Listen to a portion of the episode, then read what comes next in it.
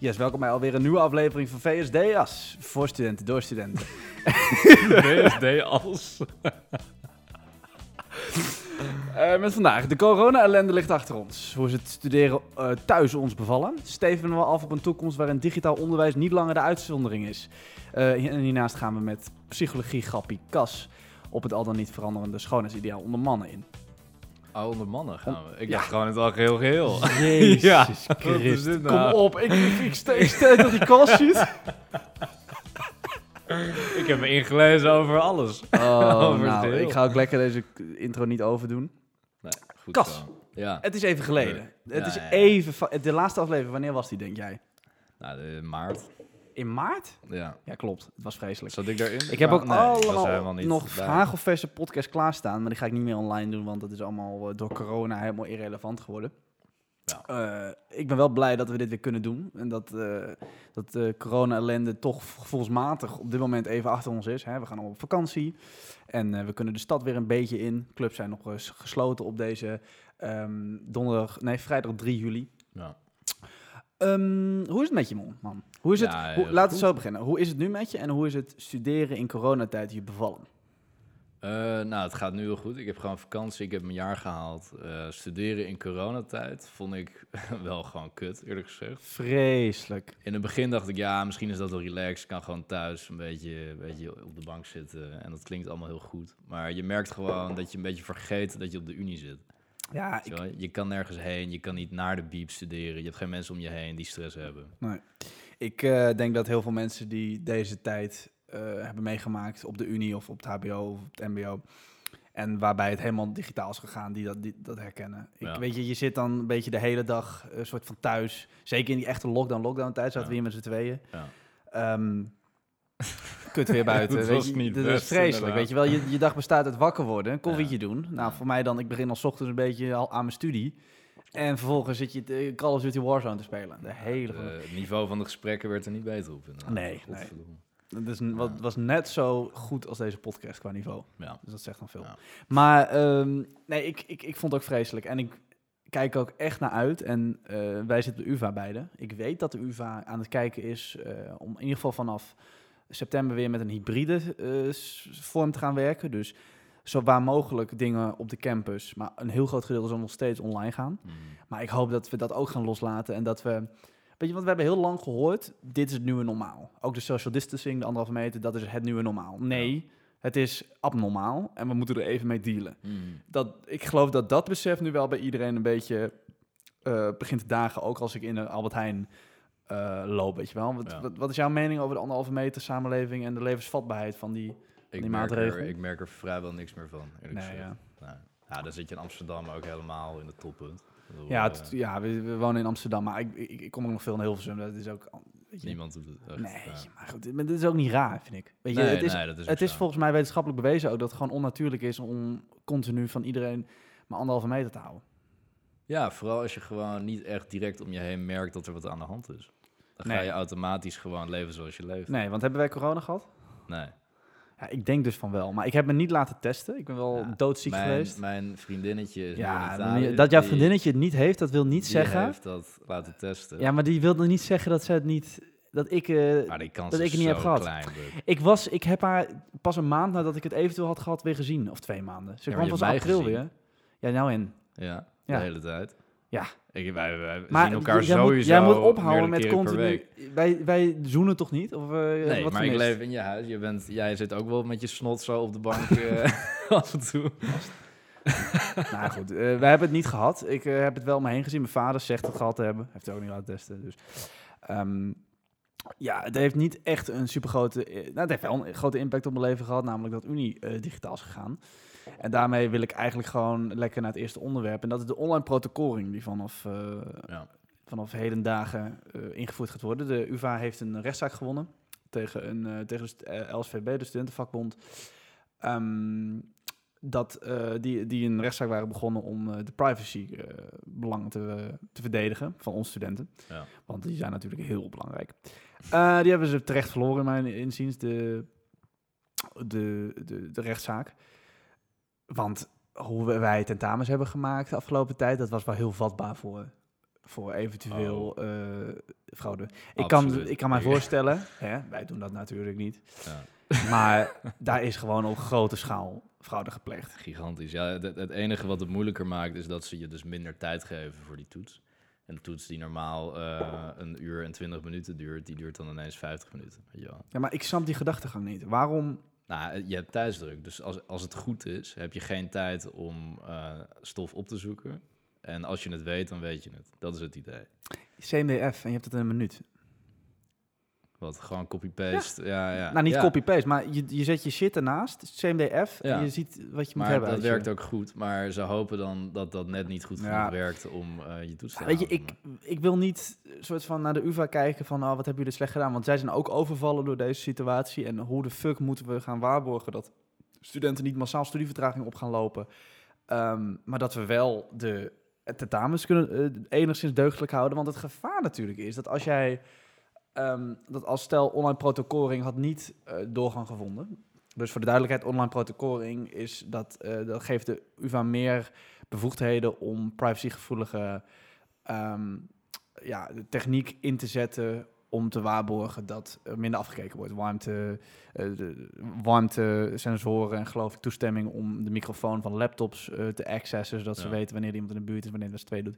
Ja. Nou, allemaal best ingrijpende dingen, maar ik snap wel dat het, het moet. Want anders is er het gevaar dat de waarde van de diploma's omlaag gaat.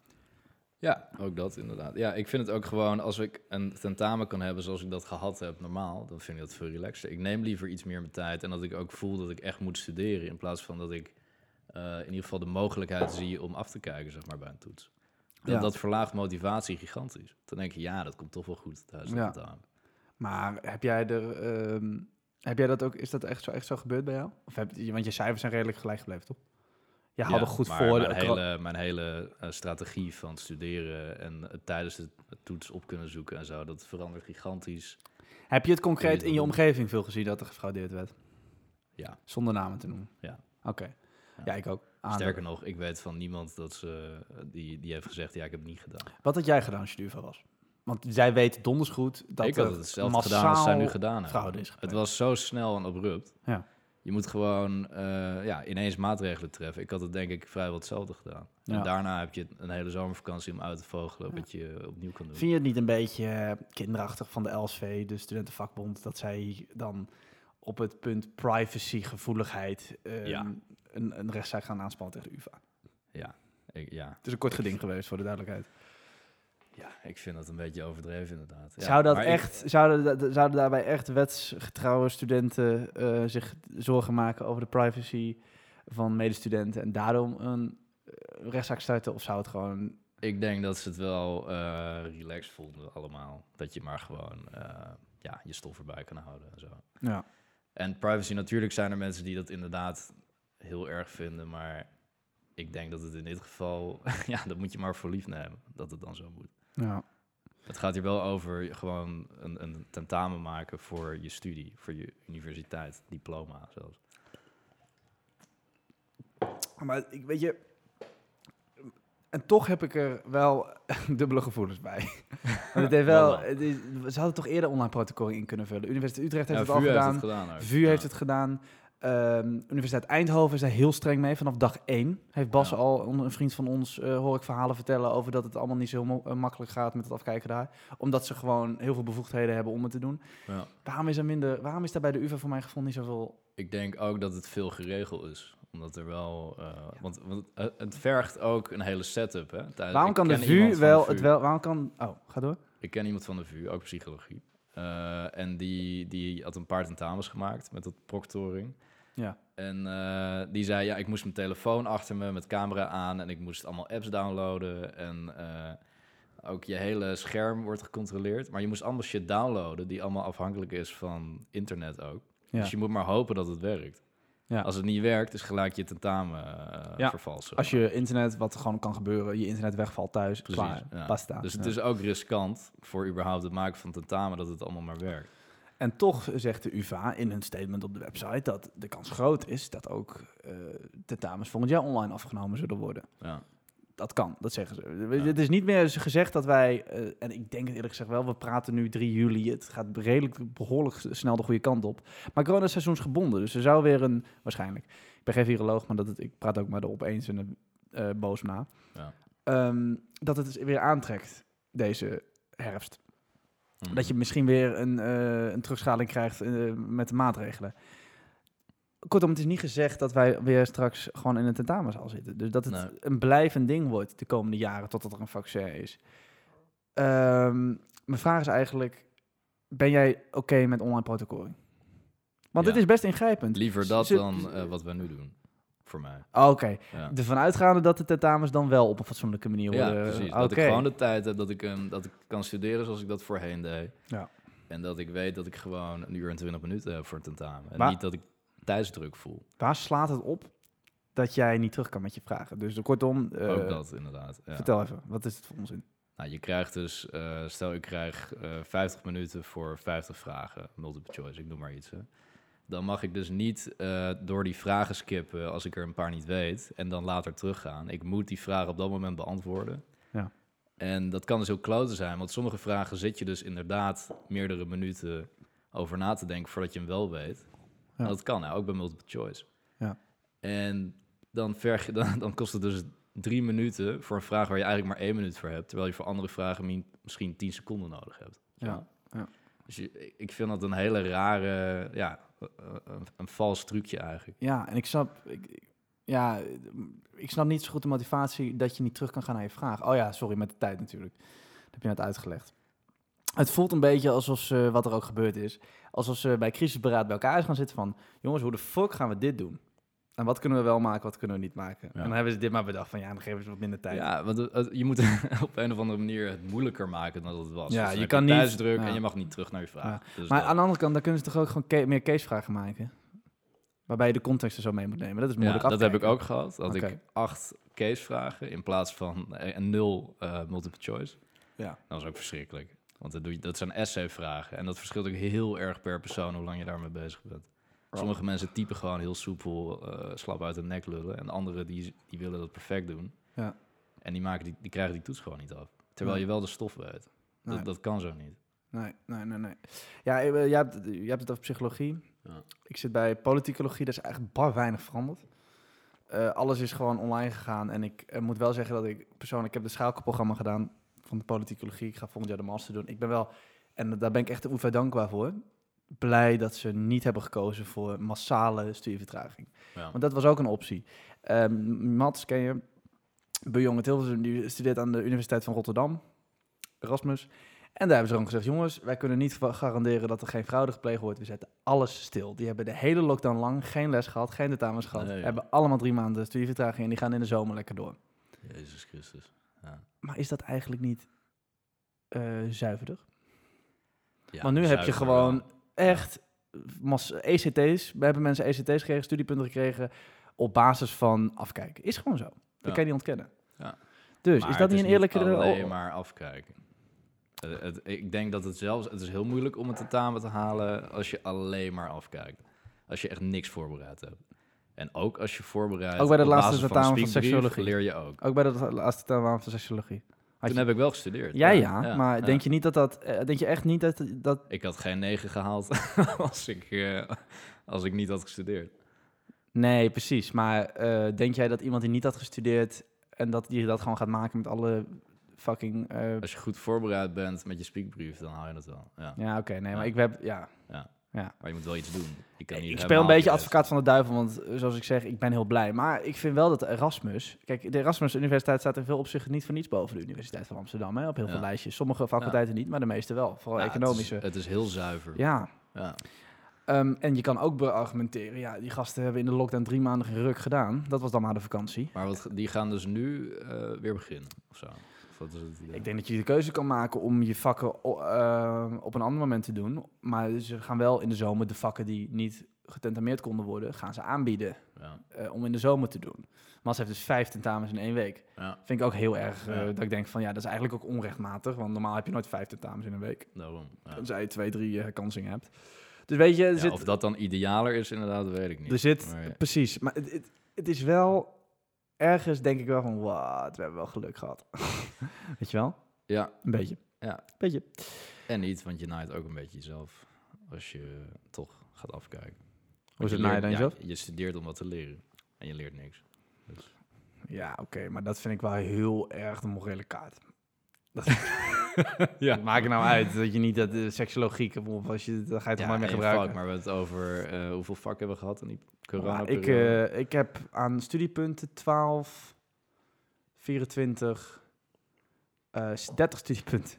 Dus de helft van mijn. eh, Nou, dat maar, dat, maar dat laatste vak, dat was geen tentamering, dus laten we zeggen 24 studiepunten. Ja. Nou, ik ben er blij mee dat de UvA het heeft gedaan zoals het hebben gedaan. Ik ben het ook terecht dat de, dat kort geding tussen de Universiteit van Amsterdam en de studievereniging eh, is beslecht in het voordeel van de Universiteit van Amsterdam.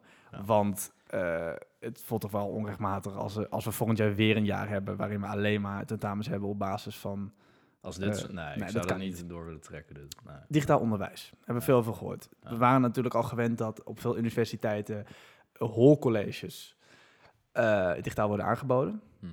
Niet altijd, wel vaak. Wat, wat, mij- wat mij betreft is dat helemaal top. Ja. Maar dit eh, niet, niet voor, je- hoop je dat, denk je dat digitaal onderwijs in deze vorm een blijvertje is? Ehm, nee, ik zie dat liever niet. Nee. Dat, Nee. nee, dat zie je liever niet, maar wat denk je? Ik denk nee, ik denk het niet. Nee. Nou. Maar is dat puur afhankelijk van een vaccin? Want er gaan nog wel meer, eh, er gaan in de toekomst Nee, nog wel meer eh, krijgen epidemieën het ook komen. voor elkaar om sportscholen open te gooien. Ik denk dat je prima een paar werkgroepjes op een dag kunt. Precies, en we weten nu ook meer. Dus ik denk in, in het geval van een tweede golf, dan gaan, gaan we niet weer een lockdown zien, denk ik, van de proporties die we in, eh, in april en maart hebben gezien. Om de simpele reden dat er veel meer bekend is. Er gaan nu stemmen op dat anderhalve meter buiten onzin is. Binnen dat er als er goede ventilatie is, het ook niet zoveel kwaad kan, dat soort dingen. Ja. Clubs willen waarschijnlijk weer vanaf september open, dus hè. Ja. Laten we het hopen. Ehm, het kost de universiteit wel heel veel kosten. En het maakt heel veel meer studies mogelijk. Dat is wel een feit. Ja, Want maar je hebt dus- ook, eh, dan krijg je een soort LOI, zeg maar. Gewoon dat online, eh, dat je alleen maar hebben we thuis toch ook gehad afgelopen maanden. Ja, maar ik denk dus niet dat dat even effectief is. Ik denk dat het niet gezond is. Effectief gezond. weet ik niet. Ik weet niet of dat even effectief is. Hoezo? Nou, alles gaat over motivatie. Ik, te- ik merk het aan mezelf. Ik voel die motivatie veel meer als ik omringd ben door medestudenten die ook aan het studeren zijn. Maar ik denk dat wij hebben geen discussie over eh, het nut van fysieke, fysieke ontmoetingsplaats van studenten. Ja. Ik vond het ook heerlijk om weer naar de biep te kunnen. Ik zeg alleen, het enige wat zou de UvA niet ehm, meer studies kunnen gaan aanbieden als ze ook de optie kiezen voor naast voltijd en deeltijd eh, digitaal non-digitaal. Oh ja, dat kunnen ze prima doen. Denk je niet Ja. dat het een optie- goede optie voor je is? Of ga je dan in het vaarwater van LOE zitten? Ja, ik zou dat niet willen doen. Maar er Jij zijn niet, vast wel maar denk je dat dat voor de. UvA misschien een... eh, Ja, ja, waarom niet? Als Ja. je dat kan het kost ook geen reden, denk ik, om aan te bieden. Nee, daarom. Ja, waarom niet? Nee. Ja, tuurlijk. Hoef je ook niet naar Granada meer. Ik, ja.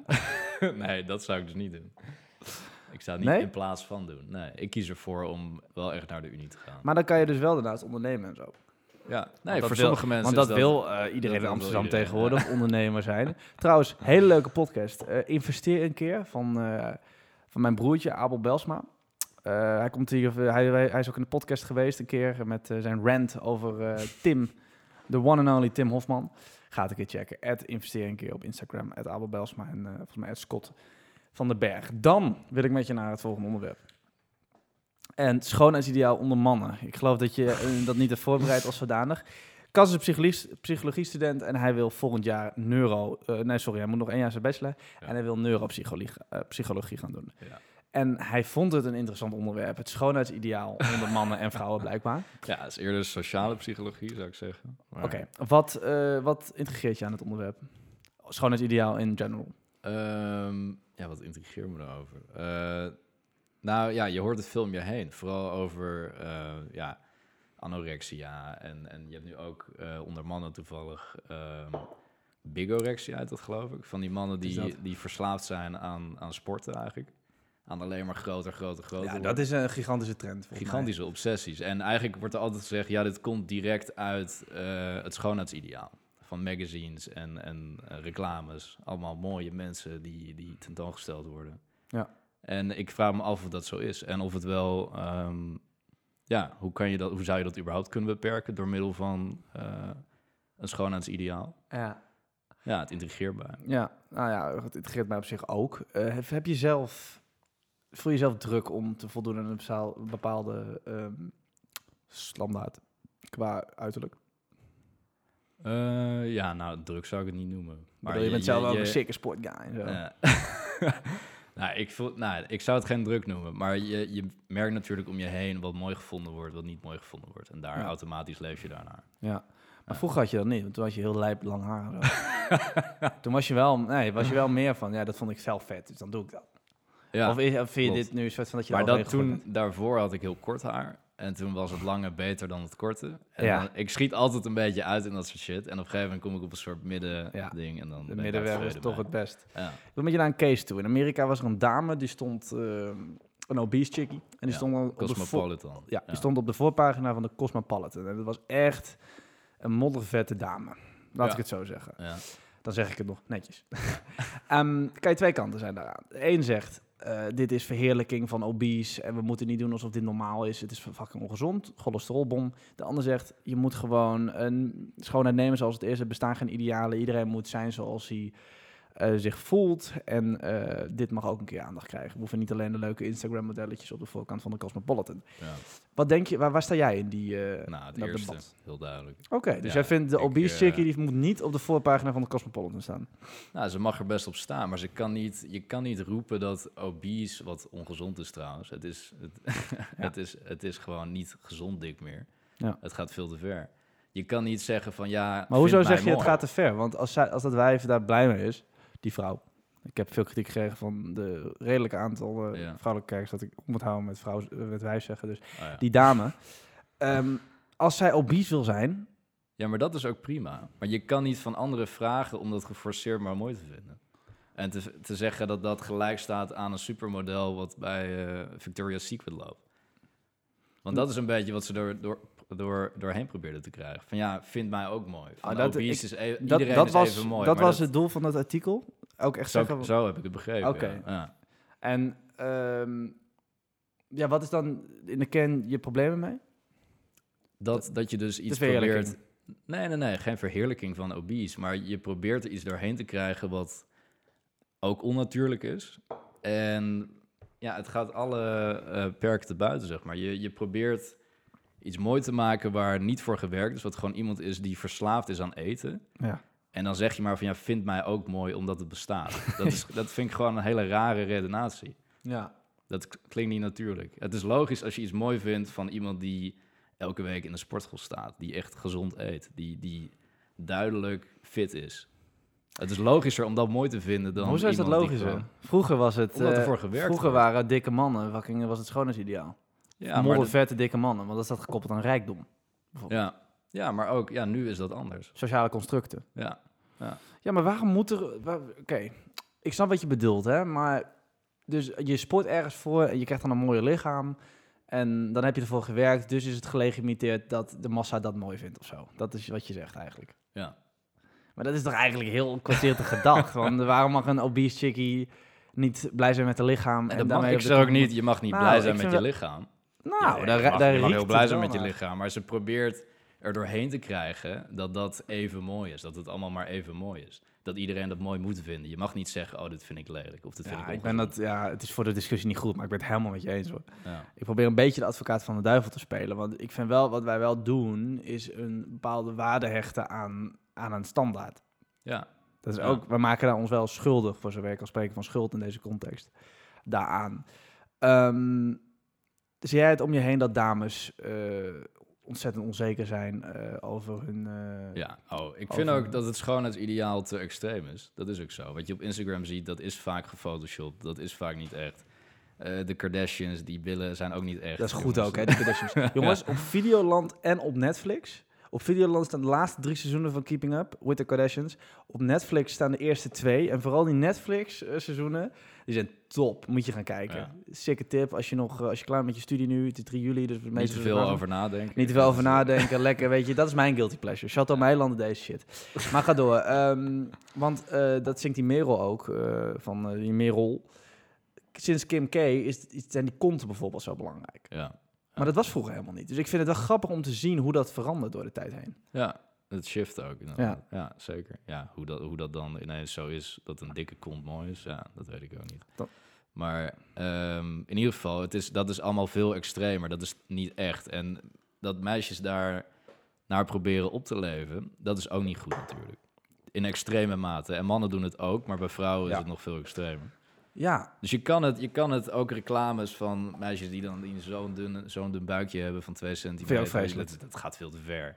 Dat, dat moet niet hoeven. Dat hoeft, dat hoeft gewoon niet. Ja, maar in hoeverre is het de taak van een groot merk die gewoon reclame maken, die zelf een marketingstrategie uitrollen, ehm, die zelf hun de modellen bepalen die ze kiezen, de taak om tot een sociale norm te, te komen? Of om, om, om.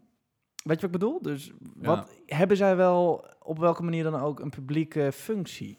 Is het niet gewoon een Nou, reclame, wel, mogen ze doen wat ze willen?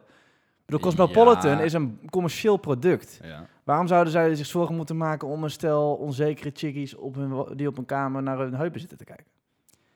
Ehm, Ik bedoel, het is, het is niet de fucking eh, het, eh, over, eh, government owned of zo. nee, maar, nee, maar is alleen de government eh, verplicht om... eh, Ja, dat vind ik een interessante vraag. Want Ja. in principe blijft het een commercieel product. Ik vind wel dat zij ook autonomie hebben. En ehm, ik vind het moeilijk Maar dat is tegenwoordig. eigen keuze, hè, uiteindelijk. Ja. Dat is het ding. Maar Ja. ik, ik, Ja, jij mag er ook wat van vinden natuurlijk. Ja. ik vind dat mooi, als, want zij hebben wel invloed. Dat is niet te ontkennen. Nee, Zij dat is absoluut invloed. zo. Zij gigantische invloed. Maar moet iedereen die een bereik heeft voldoen aan een bepaalde verwachting van zo moet je je gedragen? Nee, je moet dat niet doen. Maar het zou mooi zijn als je inderdaad om je heen ziet dat het zoveel invloed heeft, dat je dat wel doet. Dat je daar dus wel op inspeelt. Dat je ziet, oké, wij creëren wel een soort ideaalbeeld wat niet te bereiken is. Ja. Dus gaan we dat toch verlagen, want het, het pakt niet goed uit. Ja, nee, dat, heb je helemaal gelijk in. Waar, even- waar ik ook nog even met je mee naartoe wil, zijn eh, de mannenkant. Daar hebben we het al eventjes over gehad. Maar Ja. heb jij het gevoel dat mannen ehm, meer met hun uiterlijk bezig zijn dan vroeger? Laten we zeggen tien jaar geleden. Ik wel. Tien jaar geleden. Ja, dat idee heb ik Grap, wel. kijk ja. even naar buiten. Vreselijk. Iedereen een jup. Wij wonen in Amsterdam. Ja, en, eh, wij wonen in Amsterdam. En iedereen, he- iedere gast van boven de 25 en tussen de, vijf- tussen 25 en 30 heeft goed eh halfgeschoren baadjes Ja. en een mooie hoed op Ja. en eh, hoog water. Weet je wel? Ehm, in hoeverre speelt social media... Heb je, eh, ja, daar, volgens mij heb jij daar eh, een stuk over gelezen. Wat, wat verschilt er tussen mannen en vrouwen? Dat is gewoon het ideaal. En hoe heeft het zich ontwikkeld? daar ging dat stuk niet echt op Oh. in. Maar ze zeiden wel van ja, vergeet niet dat mannen ook een schoonheidsideaal hebben. En dat, eh, dat de vragen die je moet stellen daarbij heel anders zijn. Je kan niet vragen van, hey, voel jij eh, als man dat je ook heel dun moet zijn, zeg maar. Want bij vrouwen is dat wel een ding, maar bij mannen niet. Want mannen willen alleen maar gespierd zijn, zeg maar. ja, Dus die vragen waren niet goed eerst. oké. Maar... eh, de, de, de, de, de questionnaire was biased. ja, precies. en ja, veel mannen ook in die comments las ik, die zeiden... ja, ja, we hebben helemaal geen plek om ons te uiten hierover. Je mag niet onzeker zijn als man. En eh het schoonheidsideaal is minstens even erg als bij vrouwen. Ja. Toch denk ik dat dat niet helemaal waar is. Ik denk dat, het bij vrouw, dat vrouwen veel gevoeliger zijn voor dit soort idealen. Ik denk het ook. Ja. Dat is toch duidelijk. Ik, ook mijn... ik, als, ik dacht er ook over na, als je als man op een gegeven moment 30 bent en je hebt zo'n dead body, weet je wel, een beetje bierbuikje, gewoon Ja. een beetje lui, Ja. dan is dat geaccepteerd. Dan lachen mensen erover, ja, maar je bent 30, weet je wel. Ja, Wij zaten op een 30. strandje in Amsterdam-Oost. En daar komt die, die doel, doedelzak van, eh, van, hoe heet die gast nou, joh? Van Ja, van Feuten Feuten, Oh. Hoe heet die nou? Eh, nou, die knappe gast van Feuten, weet je wel? Ik kan daar ook niet op komen. 36, zie ze- het ik, denk, ik denk 36, 37 jaar. En die komt er met een lichaam aan, alsof het een gast van 50 is. Een Ja. bierbuik. Maar dat is veel geaccepteerder dan dat je als chick op je Ja. 35ste zou uitzien. Want dan moet het allemaal strak zijn. Je moet er wel een beetje aan, yoga Als je doen. Je moet dan een goede kont hebben. moet echt ook af en toe kickboksen. Weet je wel? Dus ik denk dat vrouwen ook wel... Dat het zwaarder is voor vrouwen nog steeds. Ondanks dat het schoonheidsideaal van mannen toch anders is dan vroeger. Vroeger was het echt vreselijk volgens mij. Konden Ja. mannen... Ze, Ik denk het grootste, het, het is dan niet grappig, maar dan is het van, oeh, wat jammer, wat zonde dat zij zo is uitgelopen. En dat wordt alleen maar erger, ja. Ja, maar Naarmate je ik vind wordt. wel, en die ga ik misschien weer gezeik mee krijgen, maar goed, vrouwen worden de facto lelijker. het is gewoon zo. Een vrouw die bereikt zijn hoogtepunt qua hoe ze eruit ziet op eh, tussen de, de 2 en 28ste. En vanaf daar is het going down the alley. Het is gewoon, het wordt altijd slechter. Bij mannen is dat niet zo. Sommige mannen wel, maar bij een goed aantal van de mannen zien er op hun 20ste of 22ste of 25ste aanmerkelijk minder goed uit dan op hun 45ste. Dit is echt Ja, zo. Ik denk dat dit in veel gevallen wel waar is. Ja. Ja. En eh, misschien is dat, zou dat ook een component kunnen zijn van de, on- de onzekerheid onder vrouwen ook op. Maar dat, ik, ik denk dat het voor vij- 50-jarige vrouwen ook zo is. Vrouwen zijn gewoon van nature, denk ik. eh, misschien moeten we er ook een keer een vrouw bij zitten in de podcast. Sorry dat, goed, sorry ja. dat in deze podcast nooit een vrouw heeft gezeten. En sorry als ik weer iedereen tegen het cerebeen stuit. Maar ik denk dat vrouwen ehm, ook dat het ook een sociaal construct is. Dus wij als. Ik had laatst een gesprek met een feministische dame. Ik zal de naam niet noemen. Maar die zei: Ja, eh, eh, het schoonheidsideaal van die de vrouwen hebben, dat is ook. ehm, eh, schuld, aan, schuld van de man, want wij leven in een mannelijk gedomineerde samenleving. En eh, mannen hebben ons dat opgelegd. Dat we dikke billen moeten hebben, en grote tieten en zo. Ja. Ehm, dus de, eigenlijk de schuld van de man. Wat is jouw mening daarover? Over die stellingname. Nou, dat vind ik niet. Nee. nee. Wat is dat Hoezo de schuld van de man? Het is altijd, ja, omdat altijd we. zijn het Ja, twee ik- maar kanten. dat doen die feministen altijd. We, Ja. we leven in een mannelijk gedomineerde samenleving. Valt tegenwoordig ook reuze, reuze mee, vind ik, maar goed. Nog steeds wel. Ehm, en wij vinden bepaalde dingen mooi. Ja. En dat is dan blijk. Wij, eigenlijk zegt ze: mannen bepalen de schoonheidsideaal. En de vrouwen accepteren dat en leven ernaar. En dus is het de schuld van de man dat vrouwen onzeker zijn. Ja, Dat is wat al, ze zegt. Als je al zegt, vrouwen accepteren het en leven, het, en leven daarnaar, dan heb je ook een rol in wat er Precies. gebeurt. Precies, dus ik vind, ik vind het moeilijk dat ehm, feministen altijd zo verwijtend zijn naar mannen op dit punt. Want ik vind wel dat er onder vrouwen, dames, wees eens wat toleranter. Jezus, al dat, dat afgezeik van vrouwen onder elkaar, dat is zo zonde. Ja. Vind je niet? Vrouwen zijn Ja. toch vreselijk voor elkaar onderling? ja, dat idee heb ik wel. Ja. Het is veel kattiger dan wat wij in onze vriendengroep hebben. Ja. Nou, maar in het algemeen. ja. Ik bedoel, wij zeiken elkaar af. En dat is, dat is ook gewoon part of the love, weet je wel. Als ik Ja, zeg, en dan eh, doen we er eigenlijk vies, niks mee, Vies kind. Ja. Of, Ja. je, dat is gewoon normaal. Ja. Ik weet niet helemaal waar ik naartoe wil met dit verhaal. Maar eh, het is gewoon verschillen, ja.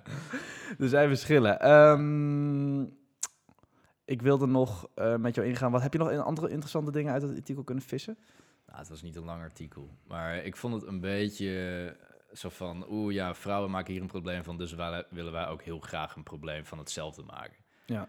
Die vibe kreeg ik een beetje. En dat vind ik overdreven. Kan jij ingaan op iets anders? Het heeft niet zoveel met dit onderwerp te maken, maar heel wel interessant, neuropsychologisch gezien ook. Eh, er is een studie die beweert dat ehm, op basis van ras, wat een sociaal construct is overigens, maar zwart-wit, dat je op andere dingen let. Dus eh, wij zien, eh, witte mensen zien bij zwarte personen zien altijd een soort van dezelfde kleur, haarkleur, ha- kleur ogen, huidstructuur, dat soort dingen. Terwijl zij ons ook wel anders zien. Objectief gezien zou ik zeggen, ik ben dan, ik vind mezelf een witte man.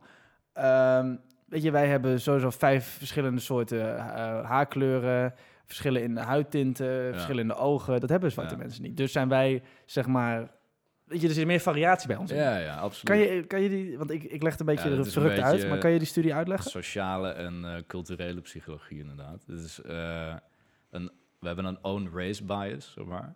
Owned race bias, jongens. Zoek- Own, Zoek het own op. race. Zoek het, Dus oh, je own, eigen, eigen ras. own bias. race. Ja. Oké.